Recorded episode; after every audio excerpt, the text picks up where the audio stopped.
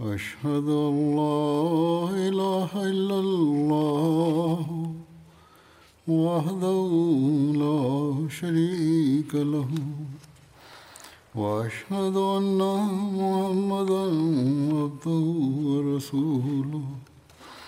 أما بعد فأعوذ بالله من الشيطان الرجيم. بسم الله الرحمن الرحيم. الحمد لله رب العالمين. الرحمن الرحيم. مالك يوم الدين. إياك نعبد وإياك نستعين. اهدنا الصراط المستقيم صراط الذين أنعمت عليهم غير المغضوب عليهم ولا الضالين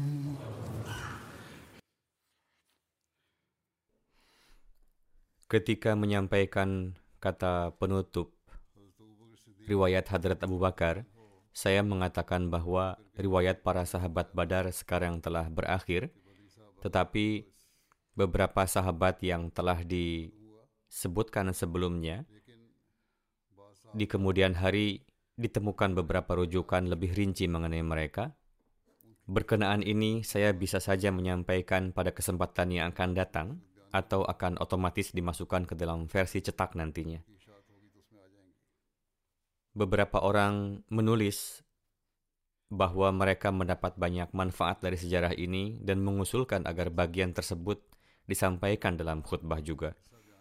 Jadi saya rasa adalah tepat untuk menjelaskannya dalam beberapa khutbah sehingga orang dapat memperoleh pengetahuan tentang hal ini melalui media ini. Sebanyak mungkin orang dapat mendengarnya. Alhasil, yang pertama adalah Hadrat Hamzah anhu. Beliau adalah paman dari Nabi suci sallallahu alaihi wasallam dan sangat disayangi oleh Rasulullah. Ini zahir dari berbagai sabda Rasulullah dan juga kesaksian Hadrat Hamzah sendiri. Bagaimana perlakuan Hadrat Rasulullah sallallahu alaihi wasallam dalam hal ini?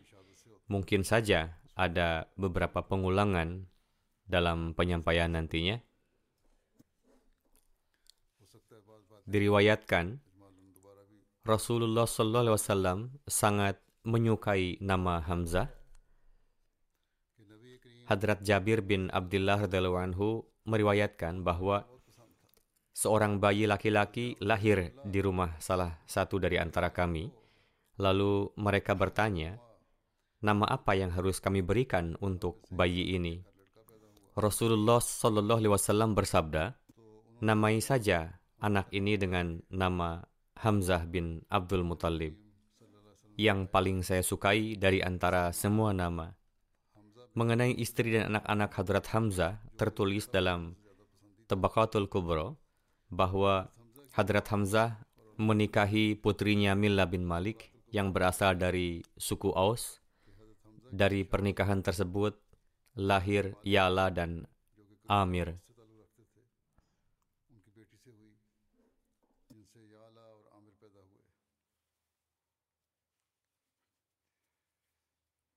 Dari nama putranya lah Hadrat Hamzah mendapatkan julukan Abu Yala. Istri kedua Hadrat Hamzah, yakni Hadrat Khawla binti Qais Ansaria, darinya terlahir Hadrat Amara. Setelah itu, Hadrat Hamzah mendapatkan julukan Abu Umara.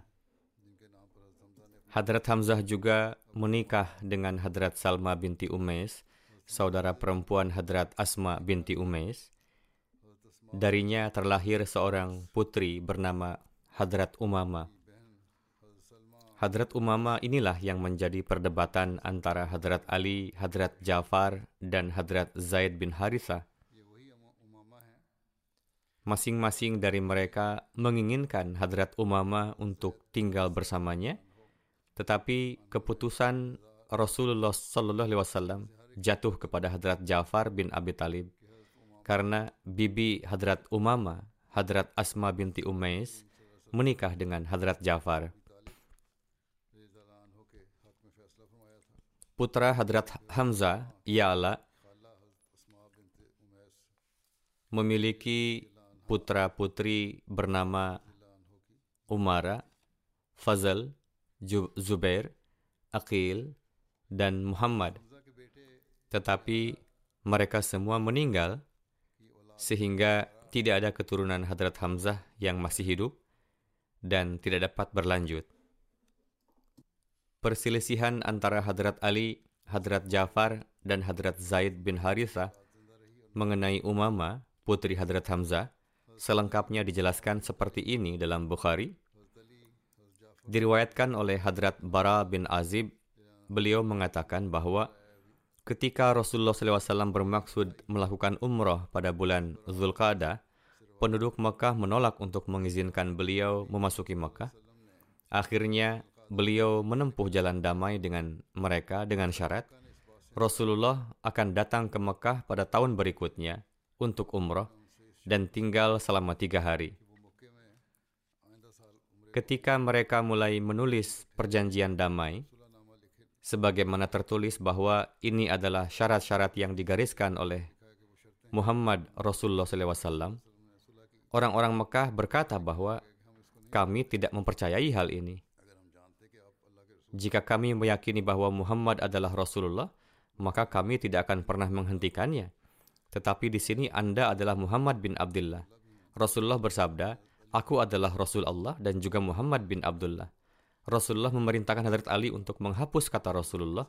Hadrat Ali berkata, sekali-kali saya tidak akan pernah menghapusnya. Demi Allah, saya tidak akan pernah menghapus gelar Tuhan. Rasulullah mengambil kertas tertulis namun beliau tidak mengetahui bagaimana menulis dengan baik. Rasulullah menulis, inilah syarat-syarat yang ditetapkan oleh Muhammad bin Abdullah. Tidak akan membawa senjata apa pun ke Mekah kecuali pedang yang berada di dalam sarungnya dan tidak akan membawa seorang pun dari Mekah sekalipun ada yang ingin pergi bersama mereka dan tidak akan menghentikan teman mereka jika mereka ingin tinggal di Mekah.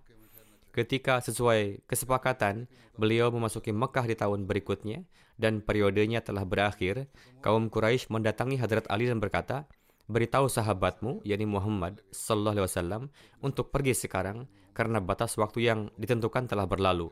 Lalu Rasulullah berangkat dari sana. Putri Hadrat Hamzah mengikuti di belakang beliau dan memanggil-manggil. Wahai paman, wahai paman. Hadrat Ali pergi dan membawanya memegang tangannya dan menyuruh Fatimah alaihissalam untuk mengambil putri pamannya. Mereka menaikkannya ke atas kendaraan. Kini Ali, Zaid, dan Jafar mulai bertengkar soal putri Hamzah. Ali berkata, Aku yang telah mengambilnya dan dia adalah putri pamanku. Jafar berkata, dia adalah putri pamanku dan bibinya adalah istriku.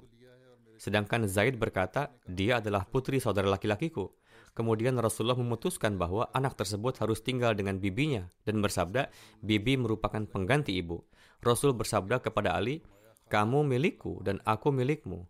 Lalu bersabda kepada Jafar, dari sisi wajah dan perilaku, kamu mirip denganku. Dan bersabda kepada Zaid, kamu adalah saudara dan teman kami. Ali berkata, apakah anda tidak dapat menikahi putri Hamzah? Beliau SAW menjawab, dia adalah putri saudara laki-laki saya dan saya adalah pamannya. Masalah-masalah kecil seperti ini dapat diselesaikan dengan bantuan riwayat ini. Terkadang ada kasus di Dewan Kodo, mengapa hak asuhnya diberikan kepada bibi, mengapa kepada nenek, sekarang telah ada solusinya.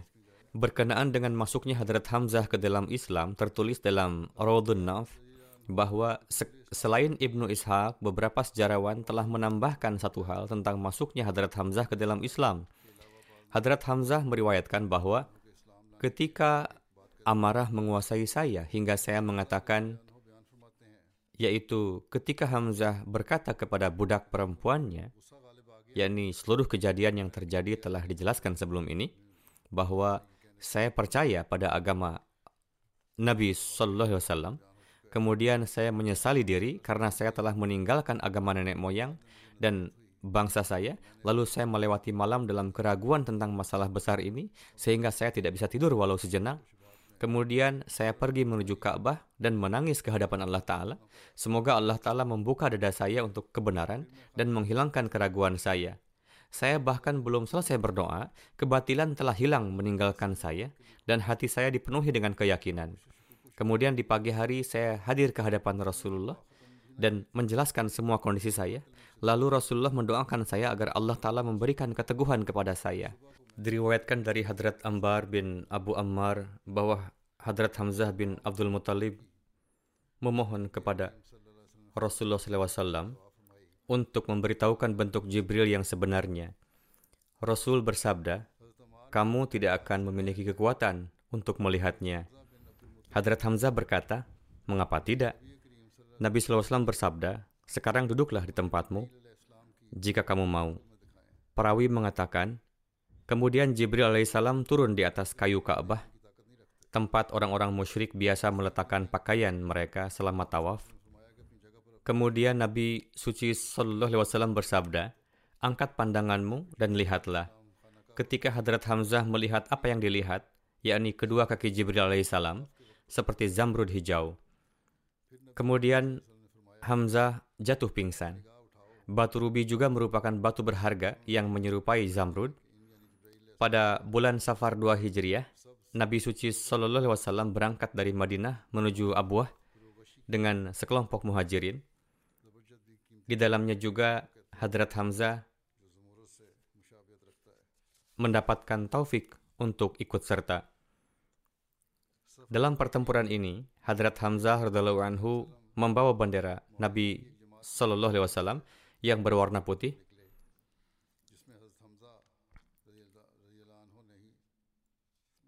Rasulullah menunjuk Hadrat Abu Sa'ad atau menurut satu riwayat Hadrat Sa'ad bin Ubadah sebagai Amir Madinah.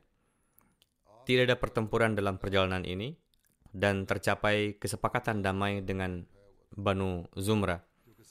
Ini adalah pertempuran pertama di mana Rasulullah SAW berpartisipasi. Nama lain dari pertempuran ini adalah Wadan. Hadrat Mirza Bashir Ahmad Sahib telah menulis berkenaan dengan ini dalam buku Sirat Khatamun Nabiyyin sebagai berikut izin untuk melakukan jihad pedang turun pada bulan Safar tahun kedua Hijriah. Karena tindakan mendesak diperlukan untuk menjaga umat Islam tetap aman menghadapi niat berdarah kaum Quraisy dan tindakan berbahaya mereka. Untuk itu, pada bulan tersebut, dengan menyebut nama Allah, Nabi Shallallahu Alaihi Wasallam berangkat dari Madinah dengan membawa satu kelompok muhajirin. Sebelumnya, beliau menunjuk Sa'ad bin Ubadah, pemimpin suku Khajraj, sebagai amir di Madinah, dan dari Madinah berangkat ke arah barat daya menuju Mekah, dan akhirnya tiba di daerah Wadan. Orang-orang dari suku Banu Domrah tinggal di daerah ini. Suku ini merupakan cabang dari Bani Kinanah, sehingga seolah-olah mereka adalah saudara sepupu dari kaum Quraisy. Sesampainya di sini, Nabi suci Sallallahu Alaihi Wasallam mengadakan diskusi dengan kepala suku Banu Dumrah dan tercapai kesepakatan di antara mereka dengan persetujuan bersama. Syaratnya adalah Bani Dumrah menjaga hubungan baik dengan kaum muslimin dan tidak akan membantu musuh yang melawan kaum muslimin dan mereka akan segera datang ketika Rasulullah memanggil mereka untuk membantu kaum muslimin. Di sisi lain, beliau berjanji atas nama umat Islam bahwa umat Islam akan menjaga hubungan persahabatan dengan suku Banu Dumrah dan akan membantu mereka pada saat dibutuhkan. Perjanjian ini secara resmi ditulis dan ditandatangani oleh para pihak dan setelah 15 hari absen, Rasulullah datang. Nama lain dari perang Ghazwa Wadan adalah Abwa karena ada sebuah desa Abwa di dekat Wadan dan ini adalah tempat meninggalnya ibunda Nabi suci sallallahu alaihi wasallam. Para sejarawan menulis bahwa Rasulullah juga mengkhawatirkan bergabungnya Quraisy Mekah bersama dengan Banu Umarah pada perang tersebut. Ini berarti bahwa sebenarnya misi beliau ini adalah untuk melawan tindakan berbahaya Quraisy dan itu dimaksudkan untuk menghilangkan efek beracun dan berbahaya yang diciptakan oleh kafilah Quraisy dan lain-lain terhadap umat Islam di suku-suku Arab dan karena itu umat Islam kondisinya menjadi sangat kritis pada masa itu. Alhasil, Hadrat Hamzah membawa bendera Nabi Suci dalam pertempuran ini. Pada bulan Jumadil Ula 2 Hijriah, setelah menerima kabar dari kaum Quraisy Mekah, Rasulullah bersama sekelompok muhajirin yang jumlahnya dikatakan 150 atau 200 meninggalkan Madinah menuju Ashira. Beliau mengangkat saudara sepesusuan Abu Salamah bin Abdul Asad sebagai amir. Pada pertempuran ini, Hadrat Hamzah membawa bendera putih Nabi Sallallahu Alaihi Wasallam. Dalam pertempuran ini, beliau melakukan beberapa jalan memutar dan akhirnya mencapai tempat Ashira dekat Yanbu, dekat pantai. Dan meskipun tidak terjadi pertempuran dengan suku Quraisy, namun beliau membuat kesepakatan dengan suku Banu Mudlij dengan persyaratan yang sama, seperti dengan Banu Dumrah dan kemudian kembali. Dalam perang Badar, berkenaan dengan pertarungan perseorangan sudah pernah dijelaskan dengan merujuk berbagai hadis. Hadrat Mirza Bashir Ahmad Sahib telah menuliskan urayanya sebagai berikut. Ketika pasukan tepat berhadapan satu sama lain, namun merupakan kekuasaan Tuhan bahwa pengaturan barisan pasukan pada saat itu sedemikian rupa sehingga nampak kepada Quraisy jumlah pasukan Islam lebih banyak dari jumlah sebenarnya, bahkan dua kali lipat. Karena itu, orang-orang kafir merasa ciut, sementara nampak kepada kaum pasukan muslim, jumlah kaum Quraisy kurang dari jumlah sebenarnya. Akibatnya, hati kaum muslimin pun membesar. Kaum Quraisy berusaha untuk mengetahui jumlah pasti pasukan Islam agar mereka dapat menghilangkan rasa ciut tadi. Untuk itu, para pemuka Quraisy mengutus Umairah bin Wahab untuk mengelilingi pasukan Islam dan melihat berapa jumlah mereka. Apakah ada bala bantuan yang tersembunyi di belakang mereka? Jadi, Umairah menunggang kuda dan mengelilingi kaum muslimin. Tetapi dia melihat kegagahan dan kebulatan tekad serta ketidakpedulian pada kematian yang begitu besar dari wajah dan penampilan kaum muslim sehingga dia kembali dengan diliputi rasa ciut lalu berbicara kepada kaum Quraisy bahwa saya tidak melihat bala bantuan tersembunyi dan lain-lain. Namun, wahai bangsa Quraisy, saya telah melihat bahwa dalam tentara kaum muslimin seolah-olah pelana unta tidak membawa manusia melainkan kematian dan mereka membawa kematian seperti pelana Yasrib. Mendengar hal itu, timbul rasa was-was dan gelisah dalam diri kaum Quraisy Surakah yang datang sebagai penjamin mereka, dia begitu ketakutan sehingga dia melarikan diri, mundur, namun orang-orang menghentikannya. Dia berkata, kamu tidak melihat apa yang aku lihat. Ketika Hakim bin Hizam mendengar pendapat Umair, dia menjadi takut dan mendatangi Utbah bin Rabi'ah dan berkata, Wahai Utbah, kamu hanya ingin membalas dendam kepada Muhammad atas kematian Umar dan Hadrami dia adalah sekutumu. Apakah mungkin kamu menumpahkan darah atas namanya dan kembali bersama kaum Quraisy dan nama baikmu akan tetap dikenang selamanya? Utbah yang gugup dan apa yang dia inginkan langsung mengatakan, "Ya, ya, saya setuju." Dia berkata, "Lihat, hakim mereka adalah muslim dan bagaimanapun juga kita bersaudara. Apakah elok jika seseorang mengangkat pedang melawan saudaranya?" ayahnya dan anak-anaknya? Kalau begitu, kamu pergi temui Abul Hakam, yakni Abu Jahal, sampaikan usulan ini kepadanya. Sementara itu, Utbah sendiri menaiki untanya, dan ia mulai menjelaskan kepada semua orang, tidaklah baik berkelahi antara keluarga. Kita hendaknya kembali dan membiarkan Muhammad dalam keadaan ini, yaitu ia terikat dengan kabilah-kabilah Arab lain. Apa yang akan terjadi akan kita lihat nanti. Kalian pun melihat bahwa bertempur menghadapi kaum muslim pun bukanlah perkara yang mudah. Karena tatkala kalian menganggapku sebagai penakut, meskipun aku bukanlah penakut, sesungguhnya yang tampak padaku adalah orang-orang ini siap untuk mati. Rasulullah SAW melihat Utbah dari kejauhan, lalu bersabda, jika di antara laskar kafir terdapat sosok yang bijaksana, ia adalah yang menaiki unta merah.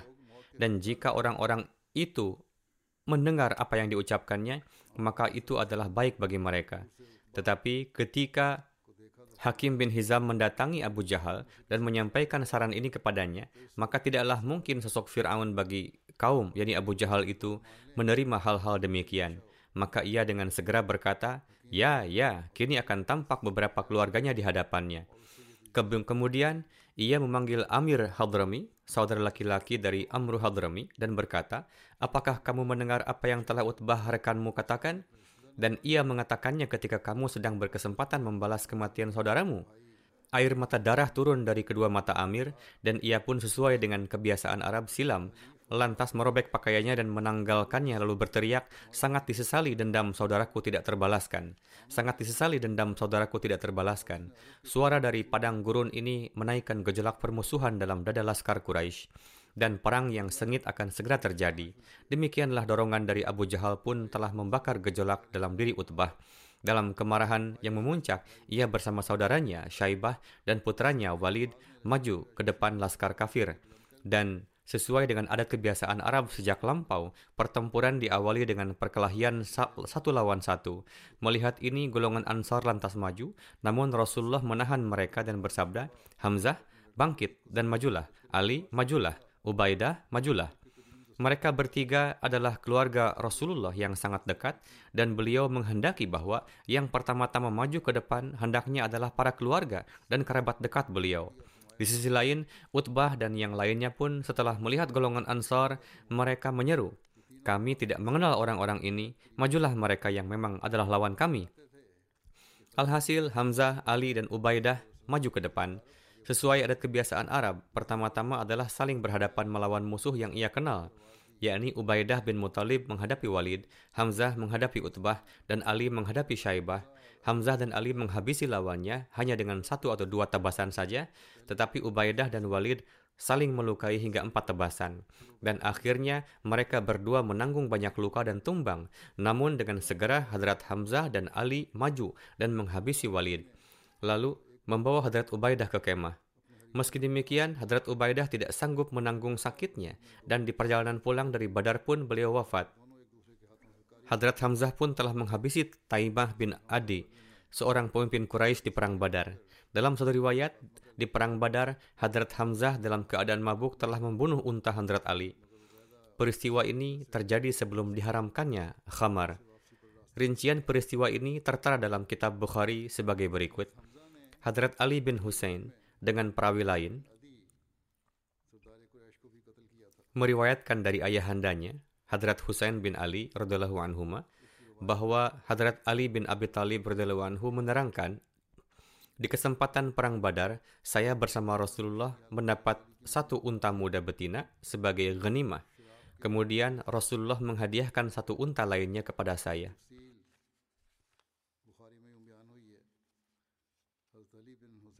Suatu hari, saya mendatangi pintu rumah seorang sahabat Ansor.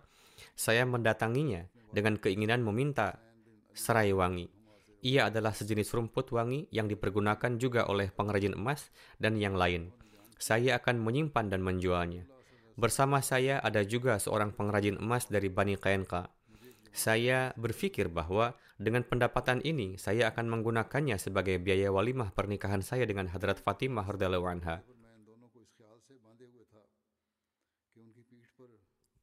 Hadrat Hamzah bin Abdul Muttalib anhu saat itu tengah meneguk khamar di rumah Ansar ini. Bersama mereka ada seorang penyanyi juga. Ketika ia membaca bait, Wahai Hamzah, bangkitlah, majulah ke arah unta betina muda itu. Hamzah seketika dengan semangat mengangkat pedang dan menebas punuk kedua unta itu dan mengoyak perutnya dan mengeluarkan ususnya. Ibnu Jarij menerangkan bahwa ia bertanya kepada Ibnu Syihab, apakah ia pun menebas daging punuknya?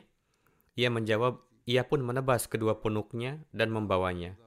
Ibnu Syihab menjelaskan bahwa Hadrat Ali radhiyallahu anhu bersabda, saya merasa sangat perih saat melihatnya.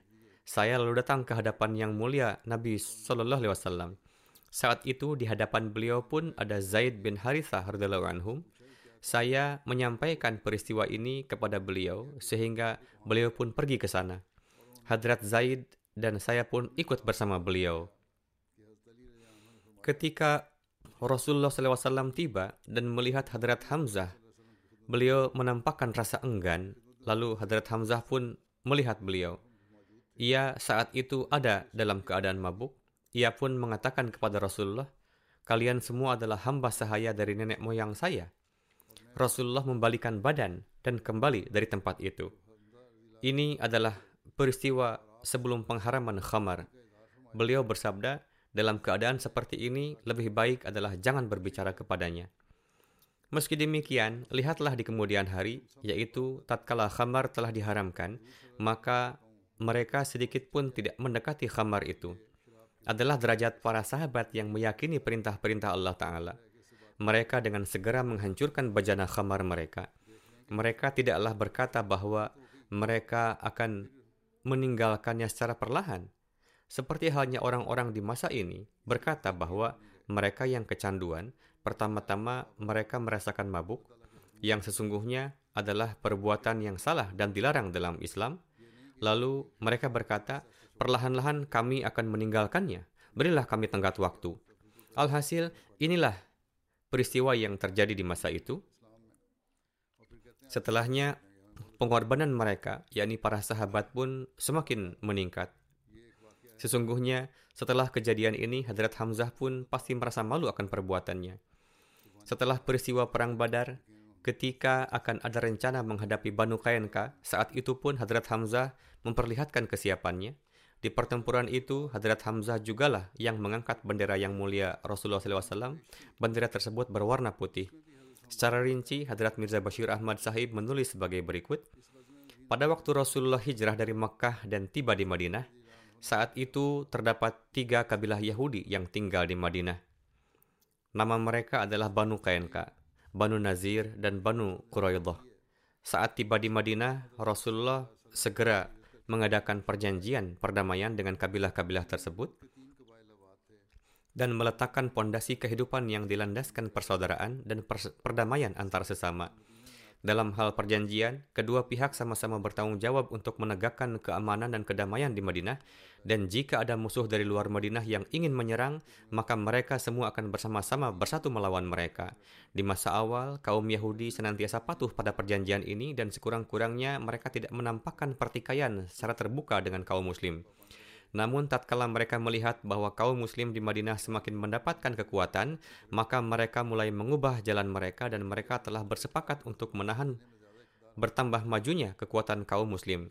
Sehingga demi tujuan ini mereka pun telah mulai menempuh segala daya upaya, baik yang diperkenankan ataupun yang dilarang. Hingga akhirnya mereka pun tidak segan untuk mengupayakan agar di dalam tubuh kaum muslim muncul perpecahan supaya kelak timbul pertempuran. Alhasil di dalam riwayat tertera bahwa di satu kesempatan banyak orang dari kabilah Aus dan Khajraj yang duduk berkumpul di mana mereka tengah menyampaikan sikap saling bersatu dan mencintai. Namun saat itu ada beberapa kaum Yahudi yang datang ke majelis itu untuk sengaja menebar fitnah dan mulai menyebut perihal perang Buas. Ini adalah perang berbahaya antara dua kabilah tersebut yang terjadi beberapa tahun sebelum hijrah. Dengan perang ini, banyak orang-orang Aus maupun Khajraj yang saling terbunuh di tangan satu sama lain.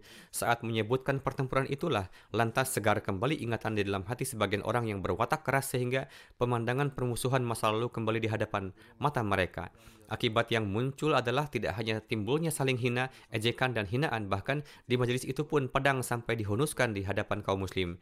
Tetapi untungnya yang mulia Rasulullah saat itu juga mengetahuinya, dan beliau bersama satu jemaat muhajirin segera mendatangi tempat itu dan memberi pemahaman kepada kedua belah pihak dan mendinginkan suasana. Beliau pun menegur, mengapa kalian memilih jalan jahiliyah sementara saya ada dan kalian tidak menghargai nikmat Tuhan ini, bahwa dia telah menjadikan kalian saling bersaudara dengan perantaran Islam. Kaum Kaum Ansar sangat tersentuh dengan nasihat beliau ini hingga akhir mata mereka pun mengalir. Mereka bertaubat dari tindakan tersebut dan lantas saling berpelukan satu sama lain. Ketika perang Badar telah usai, di mana Allah Ta'ala dengan karunia menganugerahkan kemenangan luar biasa kepada kaum muslim dan menumbangkan pemimpin-pemimpin besar Mekah saat itu, meskipun jumlah pasukan muslim saat itu adalah sangat sedikit dan tidak memiliki pernyataan yang memadai, dan menghadapi jumlah besar laskar Quraisy, maka saat itu muncul bara api kedengkian dalam diri para Yahudi di Madinah hingga mereka pun mulai melakukan pertikaian secara terbuka dengan kaum muslim. Dan mereka mulai mengucapkannya secara terbuka di dalam majelis-majelis bahwa mengalahkan laskar Quraisy bukanlah merupakan perkara yang besar. Dan jika Muhammad berhadapan dengan mereka mereka akan mengajar, mengajarkan bagaimana berperang Hingga dalam satu majelis mereka pun mengatakan hal demikian di hadapan diri Rasulullah SAW. Oleh karena itu, di dalam satu riwayat tertera bahwa setelah pertempuran Badar, tatkala Rasulullah tiba di Madinah, maka suatu hari beliau mengumpulkan kaum Yahudi dan memberikan nasihat kepada mereka, serta menyampaikan pendakwaan beliau dan mengajak mereka kepada Islam. Pidato yang beliau sampaikan dengan penuh kedamaian dan kelemah lembutan itu dijawab oleh para pemimpin Yahudi dengan ucapan, Wahai Muhammad, engkau mungkin telah bangga karena telah membunuh beberapa orang Quraisy. Mereka adalah orang-orang yang awam akan kemampuan bertempur. Jika engkau bersedia menghadapi kami, maka engkau akan mengetahui bagaimanakah sosok yang petarung sejati. Orang-orang Yahudi tidak hanya sebatas menghina di depan umum, tetapi tampak bahwa mereka pun telah mulai merencanakan pembunuhan kepada Rasulullah SAW. Karena di dalam suatu riwayat tertera bahwa tatkala di hari-hari itu Talha dan bin Bara yang adalah sosok sahabat yang mukhlis akan wafat, saat itu beliau mewasiatkan, jika saya meninggal di waktu malam, maka janganlah sampaikan kepada Rasulullah untuk mensalatkan jenazah, supaya jangan sampai akibat saya ini beliau ditimpa bencana oleh orang Yahudi. Alhasil, setelah perang Badar, orang-orang Yahudi secara terbuka mulai memperlihatkan pembangkangan mereka. Lalu karena di antara para Yahudi di Madinah, Banu Kainka adalah kabilah yang paling kuat dan pemberani, dari mereka jugalah bermula berbagai pelanggaran. Demikianlah para sejarawan menulis bahwa di antara segenap Yahudi di Madinah, Banu Kainka lah yang pertama kali melanggar perjanjian antara mereka dengan yang mulia Rasulullah di mana setelah perang Badar mereka mulai pelang, memulai pelanggaran yang hebat dan dengan terang-terangan mereka menzahirkan kebencian dan kedengkian mereka serta melanggar perjanjian-perjanjian yang ada.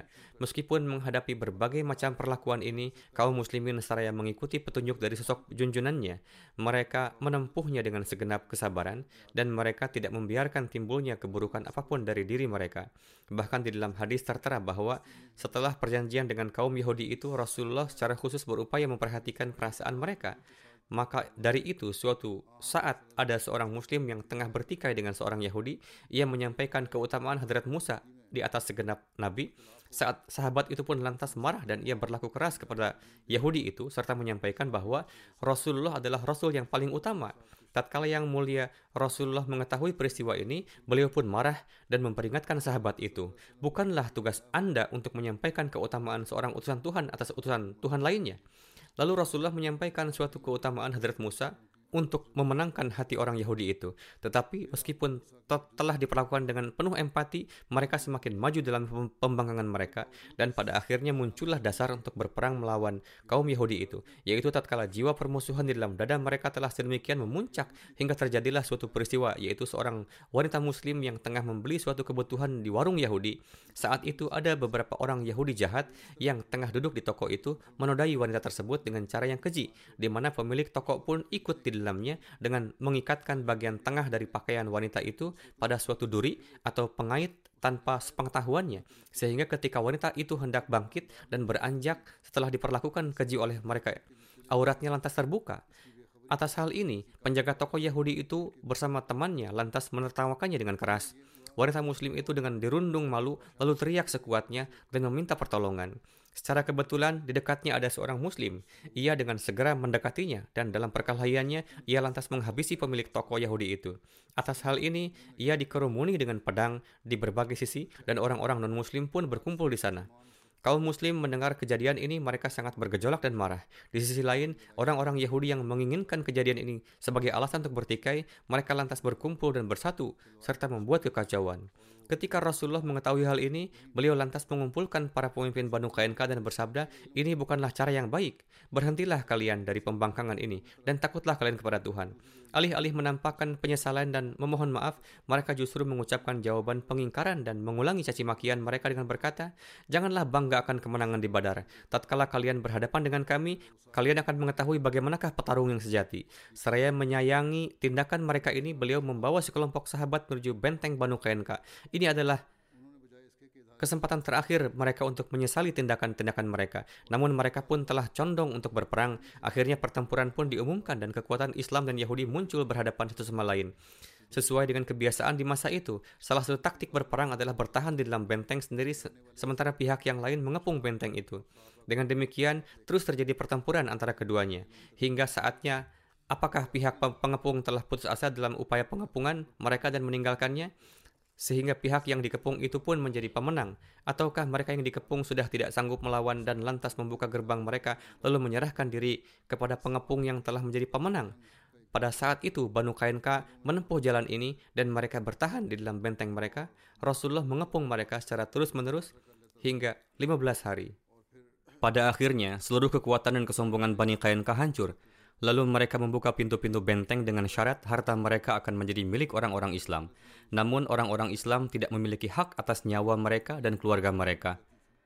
Hadrat Rasulullah menyetujui persyaratan ini karena meskipun menurut syariat Nabi Musa, semua orang ini wajib dibunuh dan menurut perjanjian, perkara mereka harus diputuskan dengan syariat Nabi Musa, namun ini adalah kejahatan pertama kaum ini dan pada langkah awal sifat kasih sayang hadrat Rasulullah SAW tidak mungkin condong terhadap hukuman yang ekstrim yang merupakan pilihan terakhir. Tetapi di sisi lain, tinggalnya suku yang tidak dapat dipercaya serta pemberontak ini di Madinah sama saja dengan memilih serigala berbulu domba khususnya ketika kelompok orang-orang munafik Aus dan Khajraj sebelumnya telah ada di Madinah dan dari pihak eksternal pun penentangan seluruh Arab tidak membiarkan orang-orang mukmin merasa tenang. Dalam situasi seperti ini, keputusan yang bisa diambil hadrat Rasulullah SAW adalah Bani Qainka harus pergi meninggalkan Madinah. Hukuman ini sangat ringan dibandingkan dengan kejahatan mereka dan memperhatikan situasi saat itu. Dan sebenarnya hanya aspek perlindungan diri yang diperhitungkan. Sebaliknya, melakukan migrasi bukanlah masalah besar bagi kaum-kaum nomaden Arab, khususnya ketika harta suatu kabilah tidak berupa tanah dan kebun-kebun, sebagaimana Bani Kainka tidak memiliki semua itu. Dan kemudian, seluruh kabilah mendapat kesempatan untuk meninggalkan satu tempat dan pergi ke tempat lain serta tinggal dengan aman dan damai. Kemudian Bani Kainka meninggalkan Madinah dengan tenang dan pergi menuju Syam. Tugas pengaturan dan pengawasan yang diperlukan terkait keberangkatan mereka dipercayakan kepada sahabat beliau SAW, Ubadah bin Salmit, yang merupakan salah satu sekutu mereka. Maka Ubadah bin Salmit pergi menyertai mereka hingga beberapa tempat persinggahan, kemudian melepas keberangkatan mereka dengan aman dan kembali. Harta rampasan yang didapatkan kaum muslimin hanyalah alat-alat peperangan dan alat-alat pandai emas. Disebutkan dalam beberapa riwayat mengenai Bani Qainka, bahwa ketika orang-orang ini membuka gerbang benteng mereka dan menyerahkan diri kepada hadrat Rasulullah SAW, dikarenakan pengkhianatan,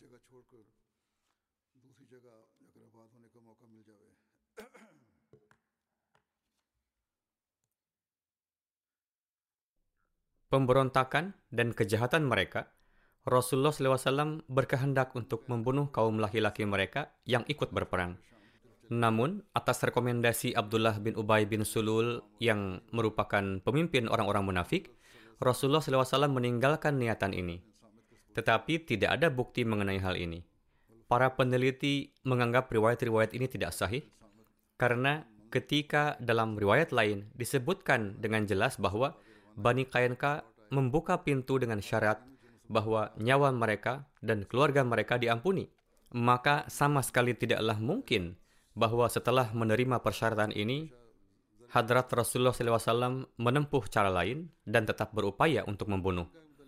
Oleh karena itu, ini adalah suatu hal yang sepenuhnya keliru. Bagaimanapun, pengajuan syarat pengampunan nyawa dari pihak Bani Kainka menzahirkan bahwa mereka sendiri memahami bahwa hukuman yang seharusnya untuk mereka adalah hukuman mati. Namun mereka memohon belas kasihan hadrat Rasulullah SAW dan setelah mengambil perjanjian ini, mereka ingin membuka gerbang benteng agar mereka tidak diberikan hukuman mati. Tetapi, meskipun hadrat Rasulullah telah memaafkan mereka dengan kemurahan hati beliau, namun nampaknya dalam pandangan Allah Ta'ala, orang-orang ini tidak layak dibiarkan hidup di muka bumi, dikarenakan amal-amal buruk dan kejahatan mereka. Oleh karena itu, dikisahkan dalam riwayat bahwa di tempat orang-orang ini diasingkan, belum genap setahun mereka di sana, suatu jenis penyakit mewabah di antara mereka, sehingga seluruh kabilah menjadi korbannya. Mereka menjadi musnah. Perang Bani Kainka terjadi pada bulan Zulhijjah tahun 2 Hijriah Hadrat Hamzah adalah pembawa bendera dalam perang tersebut. Hadrat Hamzah syahid dalam perang Uhud. Berkenaan dengan kesyahidannya sebelumnya telah dijelaskan. Allah Ta'ala menyampaikan beritanya kepada Hadrat Rasulullah dengan perantaraan mimpi. Diriwayatkan dari Hadrat Anas bin Malik radhiyallahu anhu bahwa Rasulullah Shallallahu alaihi wasallam bersabda, "Aku melihat di dalam mimpi bahwa aku sedang mengejar seekor domba jantan dan ujung pedangku patah. Aku menakbirkan mimpi ini bahwa aku akan membunuh domba jantan kaum itu, yakni panglima pasukan mereka. Dan aku menakbirkan ujung pedang sebagai seseorang dalam keluargaku. Kemudian Hadrat Hamzah disyahidkan dan Rasulullah SAW membunuh Talha yang merupakan pembawa bendera orang-orang musyrik. Hadrat Hamzah dimutilasi, wajah beliau dirusak, hidung dan telinga beliau dipotong, perut beliau dirobek. Ketika yang mulia Rasulullah SAW melihat kondisi beliau ini, maka beliau sangat sedih dan bersabda, Jika Allah Ta'ala memberikanku kemenangan atas Quraisy, aku akan memutilasi 30 orang dari kalangan mereka. Sementara dalam suatu riwayat, beliau bersabda dengan bersumpah bahwa aku akan memutilasi 70 orang dari kalangan mereka. Yang atas hal itu turun ayat berikut, Wa in aqabtum fa'aqibu bimisli ma uqibtum bih. Wa la in sabartum lahuwa. Dan jika kamu membalas, maka balaslah dengan balasan yang sama dengan siksaan yang ditimpakan kepadamu. Tetapi jika kamu bersabar, sesungguhnya itulah yang lebih baik bagi orang yang sabar. Atas hal itu, Hadrat Rasulullah SAW bersabda, kita akan bersabar, dan beliau Sallallahu Alaihi Wasallam membayar kafarah atas sumpahnya. Hadrat Ibnu Abbas radhiyallahu anhu meriwayatkan bahwa Rasulullah SAW bersabda, Tadi malam, ketika aku masuk ke dalam surga, yakni Rasulullah melihat suatu pemandangan, aku melihat Ja'far sedang terbang bersama para malaikat. Sementara Hamzah sedang berbaring di singgasana. Diriwayatkan dari Hadrat Anas radhiyallahu anhu bahwa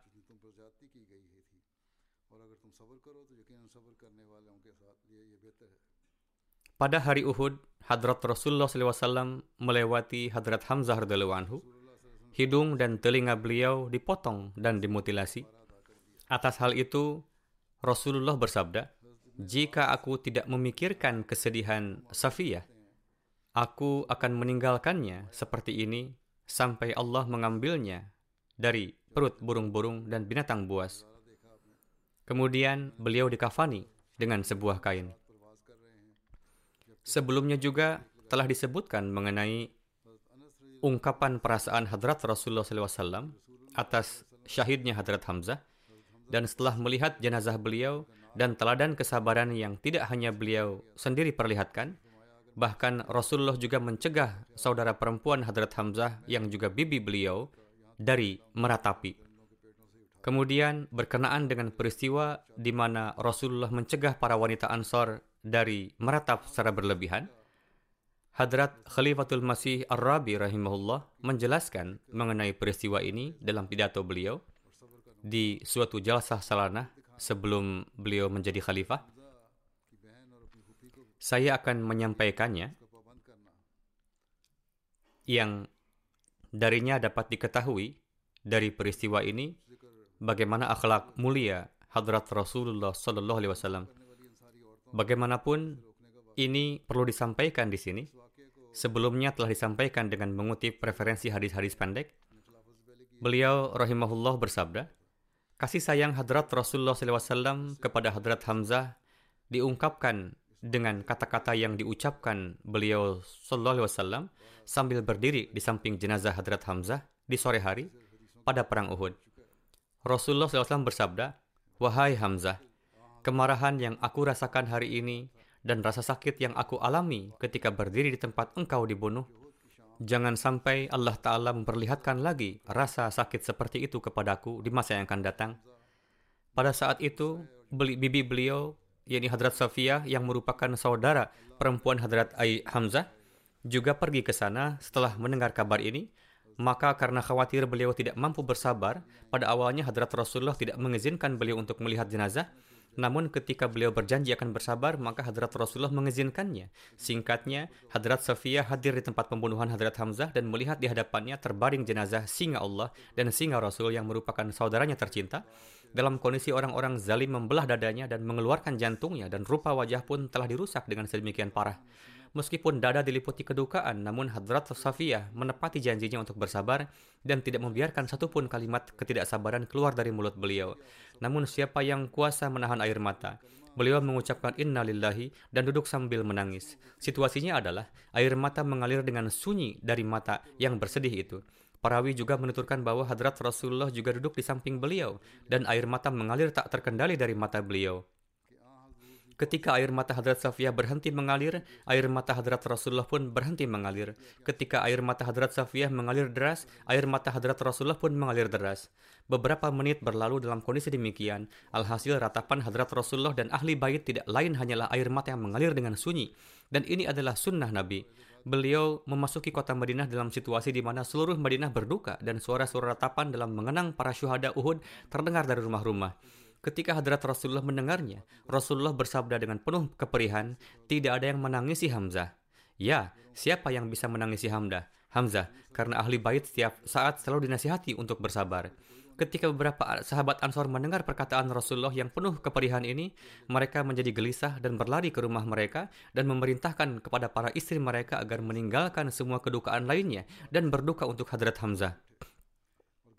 Sekonyong-konyong terdengar suara, suara ratapan untuk Hamzah dari semua penjuru dan setiap rumah berkabung untuk Hadrat Hamzah. Para istri sahabat Ansor berkumpul di rumah Hadrat Rasulullah seraya mengungkapkan perasaan duka cita dan menitikan air mata. Mendengar suara ramai, Hadrat Rasulullah melihat keluar dan melihat kerumunan suatu kerumunan para istri sahabat Ansor. Atas rasa simpati mereka, Hadrat Rasulullah mendoakan mereka dan mengucapkan terima kasih tetapi bersamaan dengan itu Rasulullah bersabda bahwa tidak boleh meratapi jenazah. Maka sejak hari itu kebiasaan meratapi yang berlebihan ditinggalkan. Semoga jiwa kita berkorban di kaki hadrat Rasulullah SAW. Betapa agungnya guru akhlak yang turun dari langit kerohanian untuk mengajarkan agama kepada kita. Jika hadrat Rasulullah melarang para istri sahabat Ansar dari meratapi ketika mereka meratapi keluarga mereka yang syahid, maka bagi sebagian orang akan menjadi sulit. Namun lihatlah betapa bijaknya Rasulullah pertama-tama mengalihkan kedukaan mereka kepada paman beliau, Hamzah. Kemudian ketika Rasulullah melarang ratapan, seolah-olah beliau melarang dari meratapi pamannya. Lihatlah pilihan Allah Ta'ala. Dia telah mengutus seorang penasihat yang agung bagi makhluknya, yang mengetahui dengan baik seluk-beluk dan kehalusan fitrat manusia, dan betapa dia sangat memperhatikan perasaan halus para hambanya. Ketika melihat pengorbanan hadrat Rasulullah SAW, jantung berdebar di dada dan mulai jatuh cinta, dan tanpa terkendali dari hati terdengar suara bahwa hidup kami, harta kami, anak-anak kami berkorban di kaki Anda. Wahai Rasulullah, salawat dan salam yang tak terhingga atasmu. Wahai sosok yang samudera keindahan dan kebajikannya tak bertepi dan abadi. Wahai Rasulullah, salawat dan salam yang tak terhingga atas engkau. Demi Tuhan, satu-satunya langit dan bumi. Engkau adalah satu-satunya di antara seluruh makhluknya di langit dan bumi. Tidak ada yang seperti engkau. Tidak dulu, tidak sekarang, maupun di masa yang akan datang. Kisah suri teladan Hadrat Rasulullah SAW dalam penyampaian riwayat Hadrat Hamzah radhiyallahu anhu ini telah selesai dan berakhir di sini. Riwayat lainnya berkenaan dengan beliau insya Allah akan saya sampaikan di kesempatan yang akan datang.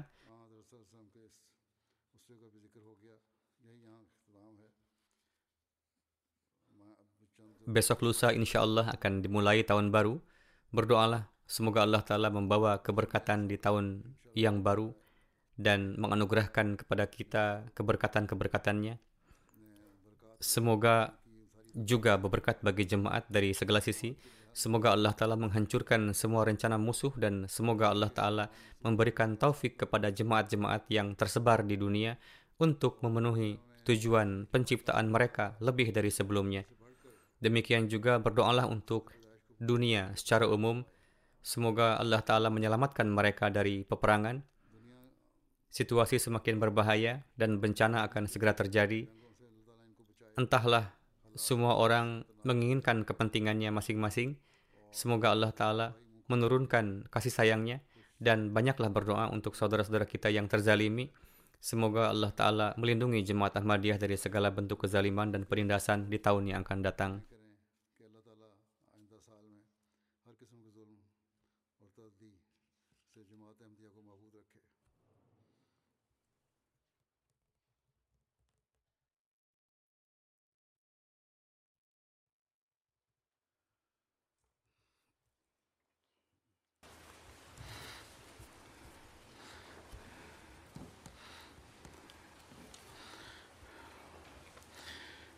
الحمد لله الحمد لله نحمده ونستعينه ونستغفره ونؤمن به ونتوكل عليه. ونعو- ونعوذ بالله من شرور أنفسنا ومن سيئات أعمالنا. من يهده الله فلا مضل له ومن يضلل فلا هادي له.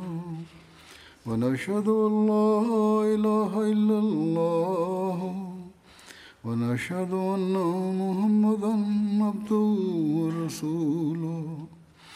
عباد الله رحمكم الله.